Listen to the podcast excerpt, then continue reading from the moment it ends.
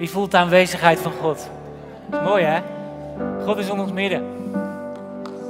En het gaat alleen maar toenemen zo en toenemen en toenemen. Terwijl ik aan het preken ben, zal het ook gaan toenemen. Halleluja. Maar het is wel goed om het woord van God te nemen. Het is zo fijn soms ook als je naar bidding bent om gewoon door te gaan. Dat is ook wel mooi hè? Maar soms is het ook weer goed om weer toe te stappen naar het woord van God. Te kijken van, hé hey, Heer, wat heeft u voor ons? En er zitten dan weer waarheden in. En die waarheden die maken je dan weer vrij. En die zorgen ervoor dat je kunt leven zoals God bedoeld heeft. En dat is zo mooi elke keer van het woord van God. Het woord van God is eigenlijk ons dagelijks brood, hè? Dagelijks brood. Als voeding voor je. Met natuurlijk ook bij de opdracht werd het ook inderdaad gesproken als voeding zal het zijn. Als voeding zal het zijn. Ja, zo mooi, zo'n klein mannetje. Ik vind dat altijd zo mooi. Ik vind dat zo mooi om te zien. Vinden jullie dat ook zo mooi? Zo'n kleintje. Ik vind dat prachtig. En dat showen, ik zag zo'n trotse vader, vind ik ook zo mooi. Vind ik altijd zo mooi. Een trotse moeder zag ik trouwens ook. Volgens mij net zo trots. en dat is wel mooi om te beseffen. Van elke keer weer opnieuw. Van God is bezig. En God is bezig ook met je leven. Hij is bezig met ons allemaal. En God is een God van genade, God is een God van vrede, God is een God van liefde. En dat is zo mooi om te beseffen elke keer weer opnieuw. Hij is een God van liefde. Waar je ook doorheen gaat, God is een God van liefde. God is een God van genade.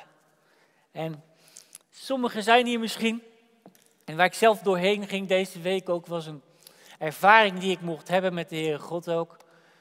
En ik zat met een bepaalde situatie en ik dacht van nou, hoe ver is het nou mijn schuld of wat ik nou niet heb gedaan of wat ik wel wel heb gedaan, dat die situatie zo is. Kan soms best lastig zijn hè. Dat je door dingen heen gaat, een gezinssituatie, dat je denkt van nou heer, hoe zit dat nou precies? En ik hoorde zo duidelijk de woorden van God, het ligt niet aan jou. En dat is zo bevrijdend hoe dat kan zijn. En sommigen zitten hier ook met die gedachten misschien. Van nou, misschien omdat ik dit heb gedaan of heb ik dat gedaan, ben ik nou in deze situatie terecht en het ligt aan mijn eigen activiteiten en wat ik verkeerd heb gedaan. En laatst hoorde ik een vriend van mij, een goede vriend van mij, die had ook zo'n situatie.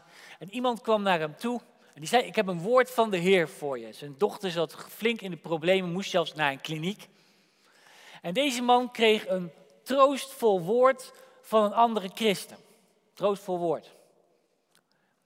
Tussen haakjes. En die troostvolle woorden die hoor je wel eens vaker. En ik vind dat heel triest als ik dan zulke soort dingen hoorde. Want hij, kwam hij vertelde dus van wat het troostvolle woord was. Die man die zei, ik heb een woord van de Heer voor je, kwam naar hem toe. En op een gegeven moment kwam hij dan met dat woord van ja, het ligt aan hoe jij bent geweest dat je dochter nu naar die kliniek moet en allemaal in de problemen zit. Was lekker hè? Deze mensen zaten al in de problemen en dan krijg je zo een woord. Dat is trouwens geen woord van de Heer. Mag ik dat gewoon zo zeggen? Ik ga het gewoon zo zeggen. Want namelijk, wij hebben allemaal gezondigd en derven de heerlijkheid Gods. Als dus iets zou zijn in je gezinslijn puur of vanwege jou, dan zou iedereen door allerlei van dat soort dingen heen gaan, want we hebben allemaal gezondigd. Toch? Zijn opa vertelde hem dit. Dat is wel mooi. Zijn opa kwam naar hem toe op een gegeven moment en zijn opa zei tegen hem van, vanuit een heel ander soort kerk, vind ik ook mooi. God werkt namelijk in alle kerken, alle kringen. Wij denken soms wel eens misschien van, joh, hoe is God vooral met de evangelische bezig? Nou, is net zo goed in de vergadering der gelovigen bezig. Net zo goed in de hervormde kerk bezig. God is overal aan het werk. Halleluja. Amen. Samen met alle heiligen zullen we verstaan hoe groot de liefde van God is. Dus we hebben elkaar heel hard nodig. En deze opa kwam naar hem toe en die zei dus ook tegen hem heel duidelijk van, die dacht er even over na toen hij dat hoorde van iemand die kwam met een woord van de Heer. En die zei, nou ja, weet je, als dit nou waar zou zijn, dan zouden onze kinderen ook van alles hebben gehad. Dan zouden die ook alles hebben gehad, want we hebben allemaal gezondigd. En zo is het wel. Het is belangrijk om te beseffen, soms zijn er gedachtegangen in je leven en die kunnen maken dat je in een soort oordeel terechtkomt. En God wil je daar helemaal van vrijmaken. En dat is zo belangrijk om te beseffen. Hij wil je vrijmaken daarvan. Je mag namelijk ontspannen bij de Heer komen. En dat is zo mooi. En dat is, wie kent die gedachte? Dat hij ook wordt aangevallen door die gedachte. Ja. Zal ik gelijk gaan bedienen? Jullie mogen gaan staan.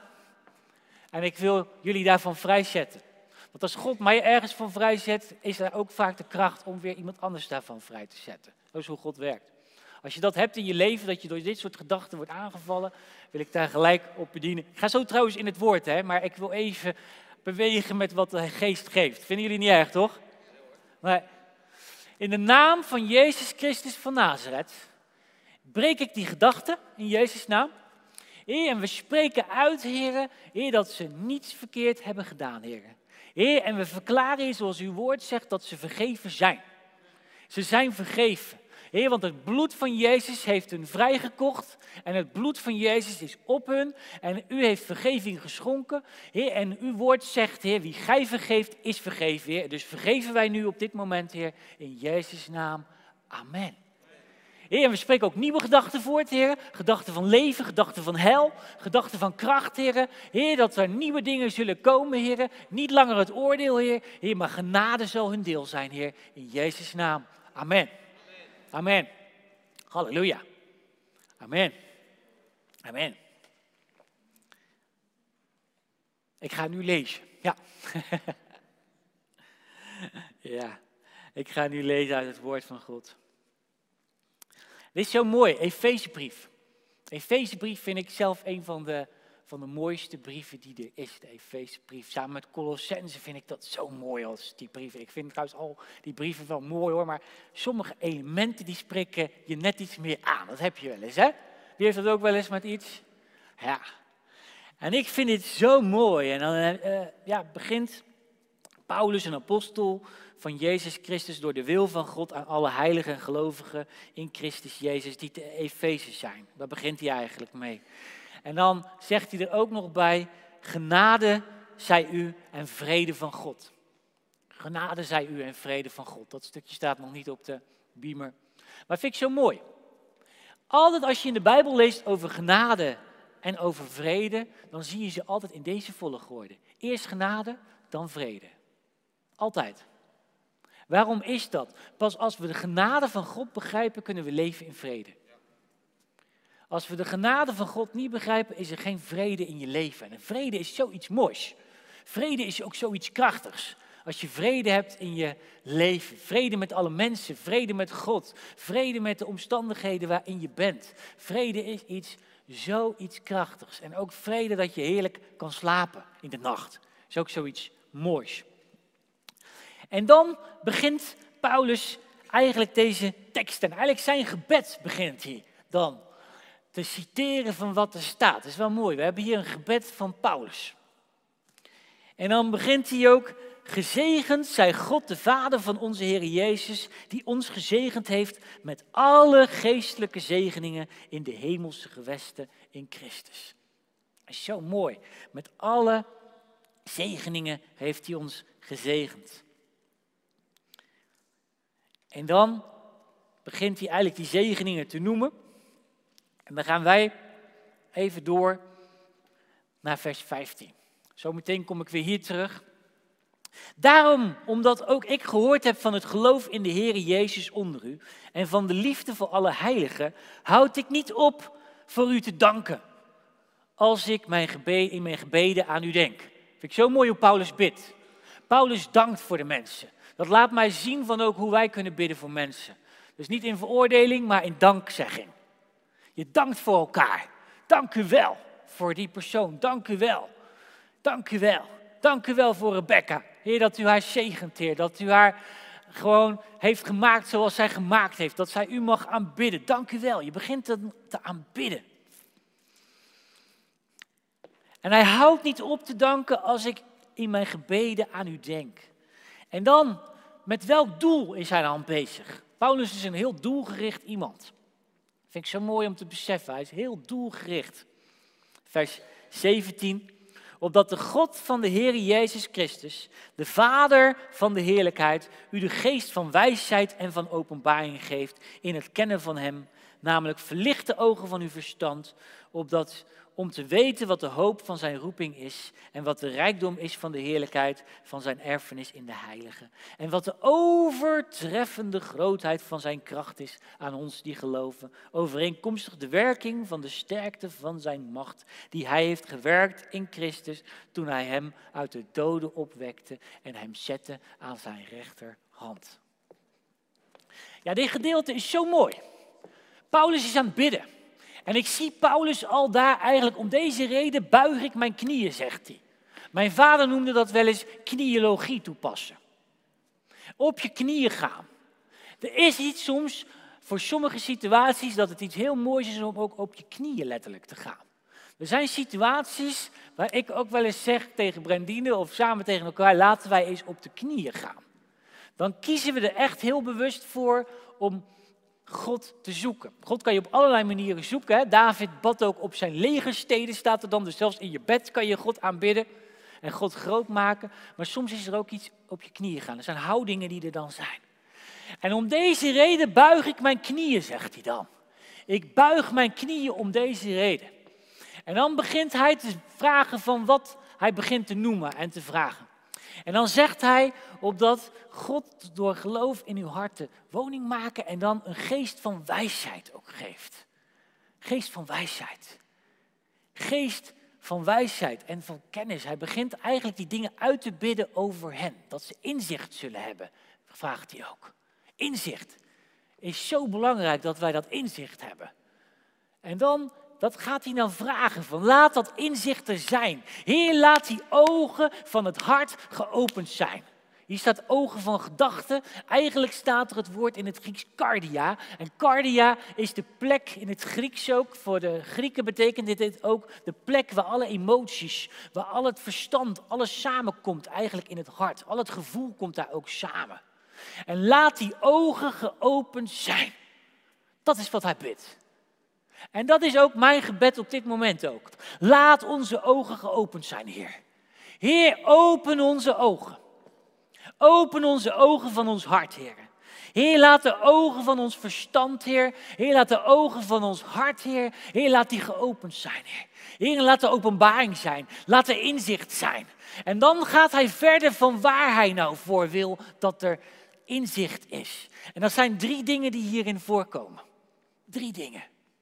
Waar Paulus heel bewust voor bidt en mee bezig is, zijn drie dingen die dan er zijn. Hij begint met het eerste, met de hoop van de roeping.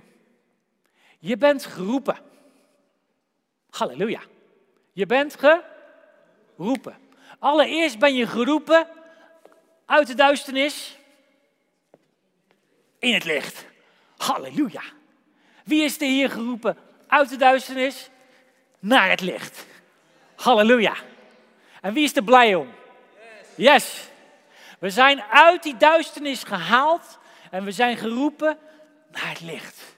Uit het rijk, rijk van Satan naar het koninkrijk van God.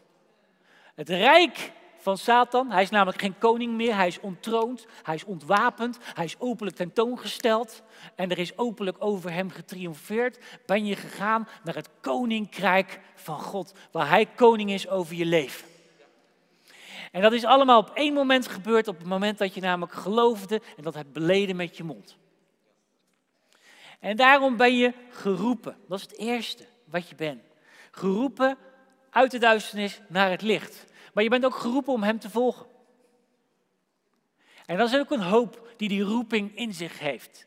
En iedereen is weer anders geroepen om Hem te volgen. Wat is de hoogste roeping die er is? Dat hangt er vanaf wie je bent. Oh? David, ik dacht altijd dat de hoogste roeping is om God helemaal te volgen en dan in de bediening te gaan. Dat is niet de hoogste roeping. De hoogste roeping is God volgen en te zijn zoals jij bent. Want God heeft jou anders gemaakt, mij anders gemaakt. En de ene persoon heeft die gemaakt om te dienen en in de verpleging bezig te zijn. En daar Gods koninkrijk te laten zien. En de andere persoon heeft die gemaakt om misschien te preken en daar Gods koninkrijk te laten zien. En er is geen hogere roeping. Het enige is dat je gehoorzaam bent aan hetgeen waar God jou voor geroepen heeft. En dat is de hoogste roeping die je kunt volgen. Mensen zitten vaak zo van, oh, ik wil geroepen zijn tot dit of ik geroepen zijn tot dat. het is zo belangrijk dat je beseft, je bent al geroepen.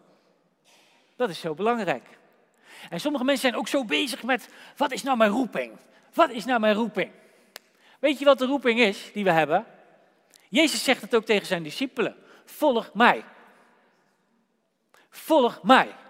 Dat is de enige roeping die je eigenlijk hebt. Volg Hem. En tijdens het volgen ga je dan ontdekken van, hé, hey, hoe mag je dan zijn? Wat is de bedoeling? Wat, eh, wat, hoe zit het dan precies? Maar dan is het dus, en dat vind ik altijd zo bevrijdend om dat te beseffen. Paulus is bijvoorbeeld geroepen om een apostel te zijn. Jij bent misschien geroepen om garageman te zijn. Kan allemaal. Maakt helemaal niks uit. Maar het gaat erom dat je God volgt zoals jij bedoeld bent. En dat is de hoogste roeping die je kan volgen. En dan de roeping die je hebt. Dat is het eerste. Het tweede punt waar je eigenlijk voor bidt, is het volgende. Dan gaat hij roepen over de erfenis die wij hebben. Dat wij dat gaan beseffen. In dat gedeelte staat het ook zo mooi hoe rijk de erfenis is die wij hebben. En we hebben zoveel geërfd eigenlijk en gekregen omdat Jezus aan het kruis is gegaan voor. Er zijn allerlei geestelijke zegeningen die wij hebben gekregen. Heel veel geestelijke zegeningen. Ik zal even een aantal, oh ja, waar had ik hem neergelegd? Hier. Een aantal er zo eens even bij pakken. En die staan allemaal in Efeze 1, achter elkaar staan ze eigenlijk genoemd.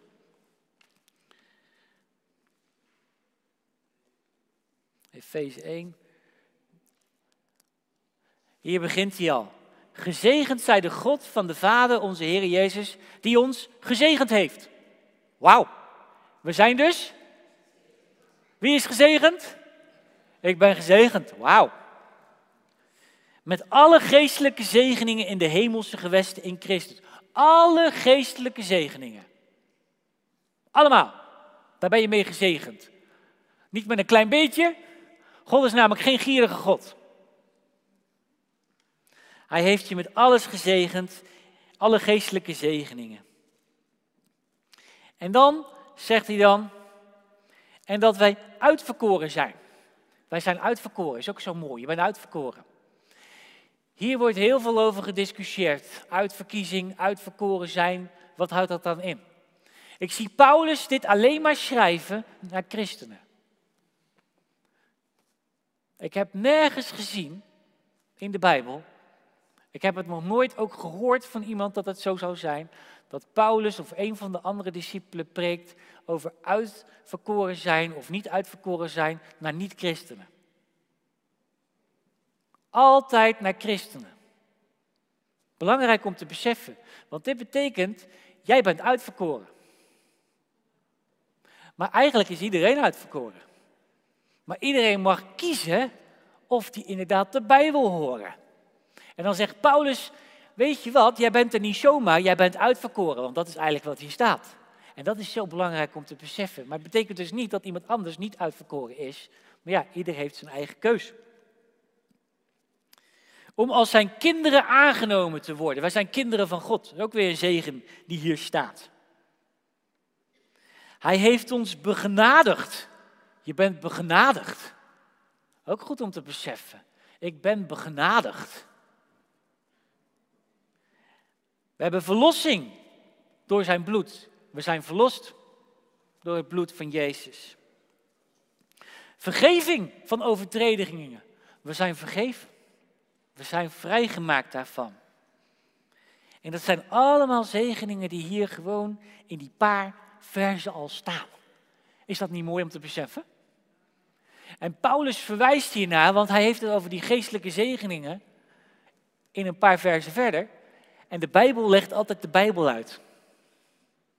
De Bijbel legt de Bijbel uit. Wil je schrift begrijpen, dan moet je kijken in de schrift. Dat is eigenlijk hoe het werkt. En je ziet dus ook van dat hij hiernaar verwijst. Zo mooi om te beseffen hoe dat dan is. In Jozua hoofdstuk 1, een hoofdstuk wat ons als gemeente ook gegeven is, wat in het fundament van onze gemeente zit, Gisteren hadden we het ook nog even over, van we zitten natuurlijk in dat fundament. Er staan ook allerlei zegeningen genoemd ook, die er dan zijn. Bijvoorbeeld, elke plaats die uw voedsel betreedt, heb ik u gegeven. Dat betekent dat God ons heel veel gegeven heeft. Dan staat er ook, niemand zal tegenover u stand houden. Ik zal u niet loslaten, ik zal u niet verlaten. Dat betekent ook dat God altijd met ons is. Er een, en dan staat er ook nog daarna dat we een erfbezit hebben gekregen. Allemaal zegeningen die daar staan in dat gedeelte. We zullen ook verstandig handelen, dat is ook iets wat God gegeven heeft. We zullen voorspoedig zijn op al uw wegen, staat er dan. Want de Heer uw God is met u overal waar u gaat. Dus zo zijn er heel wat zegeningen die er zijn. Geestelijke zegeningen. Als je iemand hoort zeggen, de Heer heeft mij gezegend, dan ben ik altijd benieuwd of diegene ook geestelijke zegeningen noemt of alleen maar materiële zegeningen. Als iemand alleen maar materiële zegeningen noemt, dan denk ik wel eens van, oeh, leeft iemand dan heel vleeselijk en moeten we iemand nog helpen om ook te zien wat al die geestelijke zegeningen zijn? Snap je?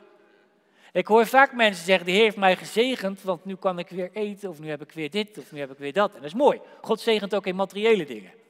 Maar het is ook dat God zegent in geestelijke zegeningen. En die moeten we eigenlijk steeds meer gaan ontdekken wat daarin zit. Want er zijn zoveel dingen die daarin zitten ook, die God ons gegeven heeft. En elke keer mogen wij gaan ontdekken wat er eigenlijk in onze verlossing zit. Want in onze verlossing zitten al die geestelijke zegeningen die God ons gegeven heeft. Dus je hebt zo allerlei geestelijke zegeningen die je hebt. Dus als ik zo eens even snel, redding is ons deel. We zijn aangenomen door God. We zijn begenadigd. We hebben mogelijk, heilig, onberispelijk leven is mogelijk. Zijn wil leren kennen. Verzegeling met de Heilige Geest staat ook nog in dit gedeelte. Leven dicht bij God staat ook hier, hierbij. Bevrijding is ons deel. Genezing is ons deel. Voorspoed is ons deel. We hebben zoveel gekregen. Is mooi, hè? Het is mooi. Allemaal geestelijke zegeningen die er zijn. En daar mogen we ons bewust van worden. Want Paulus die bidt, Heer laat die ogen geopend zijn. Heer laat ze het zien. Hij bidt het ook weer voor christenen. Dus hij bidt het voor jou, hij bidt het voor mij. Laat die ogen geopend zijn. Het is niet voor de ongelovigen dat hij dit bidt, hij bidt het voor de christenen. Hij bidt het voor degenen die God al volgen. Hij bidt, laat je ogen geopend zijn. Heer, open de ogen. Heer, laat het zien, Heer. Wat u allemaal heeft gegeven. Dat is eigenlijk de passie die er in Paulus is. Want het was niet voor niks om deze reden buig ik mijn knieën. Er was een passie, was daar in hem. Er was een kracht in hem, die eigenlijk maakte dat hij zo wilde bidden dat ogen geopend zouden zijn. En het derde wat er is, dus eerst was het de hoop van de roeping. Tweede was dus de geestelijke zegeningen. En de derde is dat, dat hij gaat bidden dat de overweldigende kracht die Jezus deed opstaan uit de dood, dat we daar een openbaring van mogen krijgen. De kracht die in u is. Als jij nu hier zit, als ik nu hier zit, er zit enorme kracht in je. Want Christus Jezus leeft in jou. En in hem is de kracht van God. In hem is de glorie van God. In hem is het leven van God. In hem is alles. Jezus was namelijk wijzer dan Salomo. Sterker dan Simson. Krachtiger dan Mozes. Het zat allemaal in de Heer Jezus. En dat zit allemaal in ons. Want Jezus Christus in u, de hoop der zaligheid. Colossense 1 vers 27. En dan bidt Paulus ook weer. Heer, laat er een openbaring zijn van die kracht die in die gelovigen is. Hij begint te bidden ervoor. Heer, laat het ze zien. Laat ogen open zijn. Heer, de ogen van het hart, laat die open zijn. Opdat ze zullen zien welke kracht er in ze zit. En Paulus die begint dat uit te bidden. En die begint dan te spreken. En hij heeft daar heel wat Griekse woorden voor nodig om dit uit te drukken. Want er zijn drie verschillende Griekse woorden die wij eigenlijk vaak zien als kracht, maar die hier gebruikt worden. Een van de Griekse woorden dat we allemaal kennen is dynamis. Kennen we allemaal van dynamiet. Dat is de wonderwerkende kracht van God. De wonderwerkende kracht van God is in jou aan het werk. De wonderwerkende kracht van God is in mij aan het werk. De wonderwerkende kracht van God is in u aan het werk. Die is bezig in jou. Is dat niet mooi om te beseffen? Paulus bidt, laat die ogen open zijn. Heer, laat het zien. Er zit dus wonderwerkende kracht in jou. Er zit wonderwerkende kracht in mij.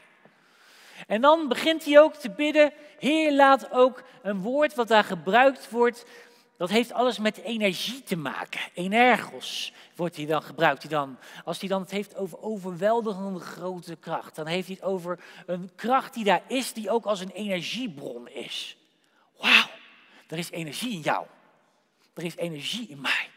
Er is leven in mij. Er is leven in jou. Er is leven in ons.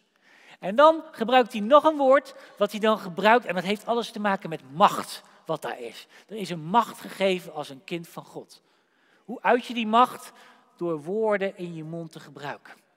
Als God je iets laat zien, mag je erover spreken en dan zul je ontdekken dat hij een enorme macht is. Helaas soms ook wel eens negatief. Omdat je het verkeerd gebruikt. Maar er zit een enorme macht ook in je mond. Dood en leven zijn in de macht van de tong. Dat is iets wat God gegeven heeft. Zelfs je redding komt voort uit een beleidenis.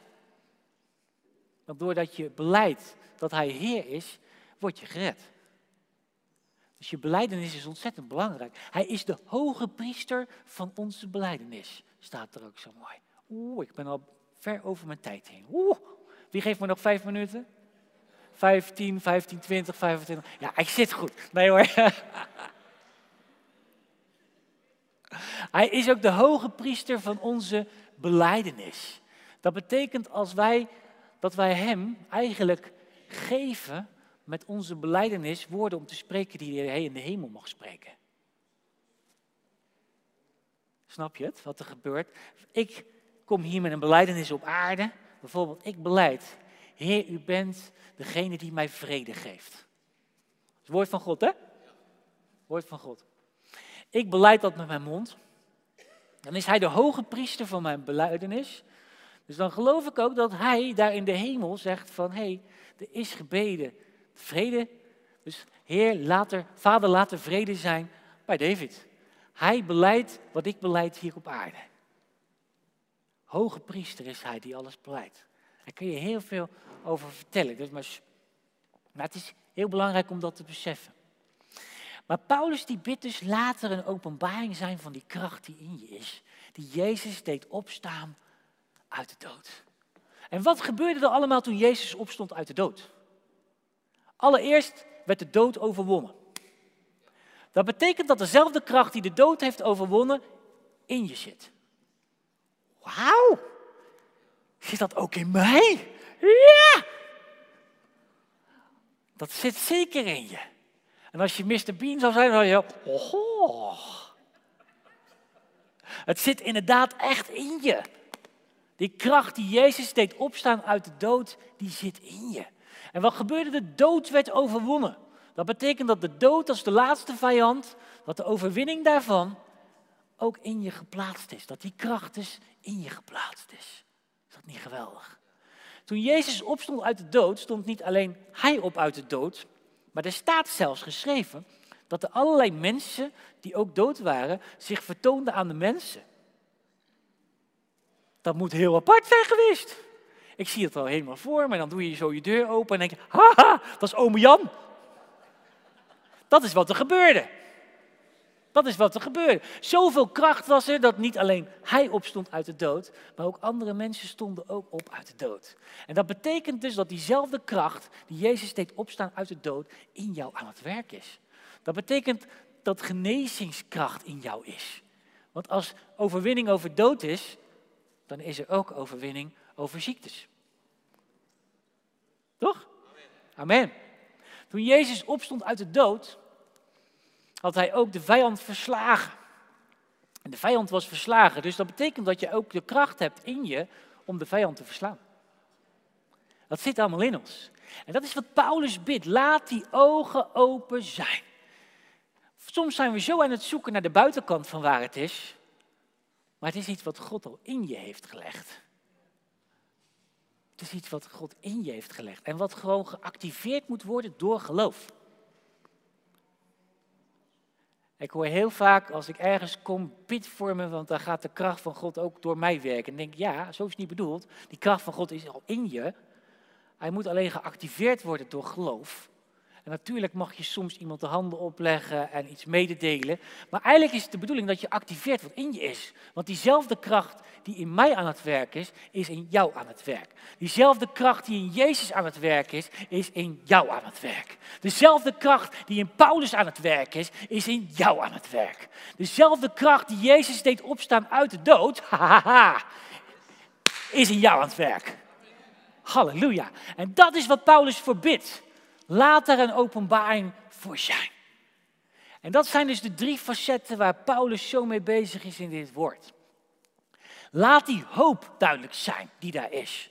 Want ik merk zo vaak dat er zoveel onduidelijkheid is over hoe roeping en hoe dat nou zit. En waar bidt dan Paulus ook voor? Want dat was hetzelfde probleem wat deze mensen hadden, dat die ogen open mogen zijn. Ogen van het hart. We merken zo vaak dat mensen zitten van, ja, wat is nou mijn geestelijke erfenis? Wat heb ik nou allemaal? Paulus bidt heel duidelijk, laat die ogen open zijn, opdat ze het kunnen zien. En dan merk ik ook zo vaak van, hé, hey, waar is dan de kracht in mij? Als ik bid, dan gebeurt er niks. Ik hoor dat zo vaak zeggen. Wie heeft, hoort dat ook wel eens zeggen? Of bid voor mij, want als jij bidt, dan gebeurt er wat. Ik vind dat zo triest. Want als jij bidt, gebeurt er ook wat. Amen? Welke kracht is aan je aan het werk? Opstandingskracht. De kracht die Jezus deed opstaan uit de dood. Dat is waarheid. En soms voel je het niet, maar dan is het nog steeds aan het werk. Dan is het nog steeds aan het werk. Ik mocht wel eens voor iemand bidden, een klein jochie. Die was doof. Ik voelde helemaal niks, maar het gaat niet om gevoel, het gaat om geloof. En hij ging horen. En dat vond ik zo mooi om mee te maken. Joh. Dat is zo mooi. Je mag dat al meemaken. Maar dat is niet alleen maar voor mij. Dat is voor ons allemaal. Dat we gewoon waar we zijn, waar je bent, waar jij gesteld bent, waar jij toe geroepen bent, jouw plek waar je bent, daar mag jij tot zegen zijn. Overal. En zo is hoe God het bedoeld heeft. En je mag ook beseffen dat die kracht dus werkzaam is en als je dus merkt van hé, hey, op dit gebied ervaar ik geen overwinning, dan mag je dus naar God teruggaan en zeggen van Heer, er is opstandingskracht in mij. Er zit dus overwinningskracht in mij. Ook over deze situatie is overwinningskracht. Heer, laat dat gewoon openbaar worden in mij. Laat dat stromen door mij heen en dan zul je zien dat daar iets gaat gebeuren. Halleluja. Amen. Amen. Laten we gaan staan. Halleluja. Mooi hè? Halleluja. Dank u wel, Jezus. Dank u wel, Jezus. Dank u wel, Jezus. Halleluja. Halleluja. Dank u wel, Heer. Heer, om deze reden, Heer. Heer, buigen we onze knieën, Heer. Heer, Heer, opdat we gaan zien, Heer, Heer, wat er in ons zit, Vader, Heer. Heer, wat voor leven er is, Vader, Heer, wat opstandingskracht, Heer. Heer, laat het openbaar worden, Vader, Heer. Heer, laat het ons zien, Vader, Heer. Laat het ons beseffen, Heer, in Jezus' naam, Heer. Heer, ook om deze redenen buigen wij, Heer, onze knieën, Heer, net zoals uw dienstknecht dat deed, Vader, Heer. Heer, opdat de hoop van de roeping, Heer, Heer, duidelijk mag worden, Vader, Heer. De hoop die de roeping wekt, Vader, Heer. Heer, dat die zo helder mag worden voor iedereen, Heer, Heer. Heer, opdat het openbaar mag worden, Heer, in Jezus' naam, Heer. Heer, en ook die geestelijke zegeningen, Heer. Heer, die u allemaal gegeven heeft, Heer. Heer, dat die openbaar mogen worden, Vader, Heer. In Jezus' machtige naam, Heer. Heer, en daar zegenen we ook iedereen mee, Vader, Heer, met ogen van het hart die open zijn, Heer. Heer, ogen van het hart die kunnen zien, Heer. Heer, wat u heeft, Vader, Heer, welke, welke hoop die roeping wekt, Vader, Heer. Heer, Heer, wat die rijkdom van die erfenis is, Vader, Heer. Heer, en wat de kracht is van de opstanding die in ons zit, Vader, Heer. Heer, laat dat zo manifest worden, openbaar worden, ook in de komende periode, Vader, Heer. In Jezus' machtige naam, Heer. Heer, we zegenen iedereen daarmee, Vader, Heer, met leven, met kracht, Heer. Heer, en dank u wel, Heer, dat we het ook mogen activeren in de geest. We mogen het activeren. Weet je hoe we dat doen? Dat gaan we gewoon samen doen met een beleidenis. Zullen we het gewoon gaan doen met een beleidenis? Heer Jezus, dank u wel dat de opstandingskracht in mij is. Heer, dat het die kracht net zo groot is als de kracht die u deed opstaan uit de dood. Heer, er is overwinningskracht in mij. Heer, er is kracht, Heer, om tegen elke zonde op te kunnen staan. Heer, er is kracht, Heer, om tegen elk trauma, elk, alles wat er is, wat mij gebeurd is, op te staan.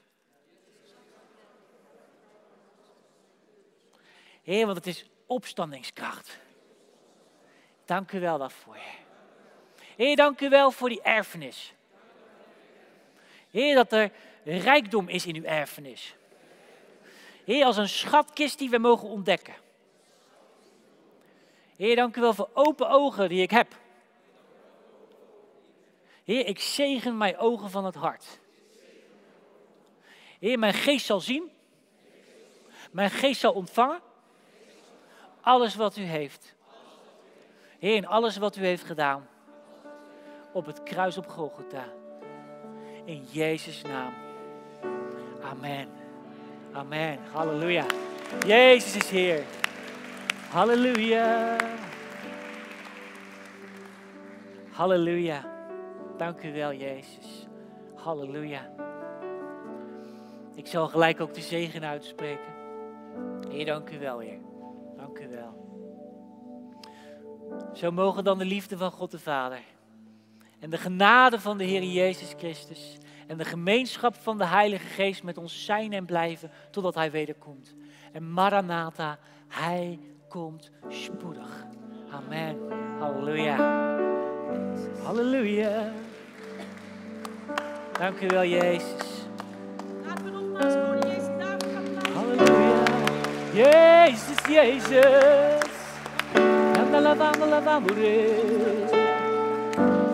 Jezus, Jezus. Halleluja. Halleluja. Dank u wel, Jezus. Dank u wel, Jezus. Hm. De kracht van God is ook hier. Als u last heeft van uw schouders, leg uw handen erop. Dan gaan we gewoon op afstand, gaan we gewoon geloven dat God je aanraakt. Schouders en nek specifiek, ervaar ik. In de naam van Jezus van Nazareth, Heer. Heer, bevelen wij genezing daarover, Heer. Heer, we spreken het uit, Vader, Heer, dat genezing is hun deel, Vader, Heer. Het is die opstandingskracht die in ze zit, Heer. Heer, die mogelijk maakt, dat er genezing is, Heer. Heer, dank u wel, dat die vrij is, Heer, in hun om te bewegen, Heer. Heer, genezing is hun deel. En kracht van God doorstroomt nu, Heer. Dank u wel, Jezus.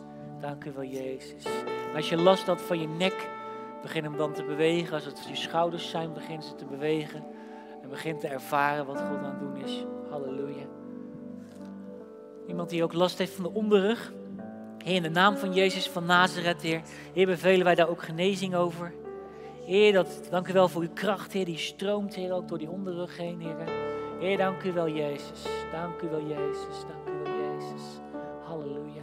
Halleluja.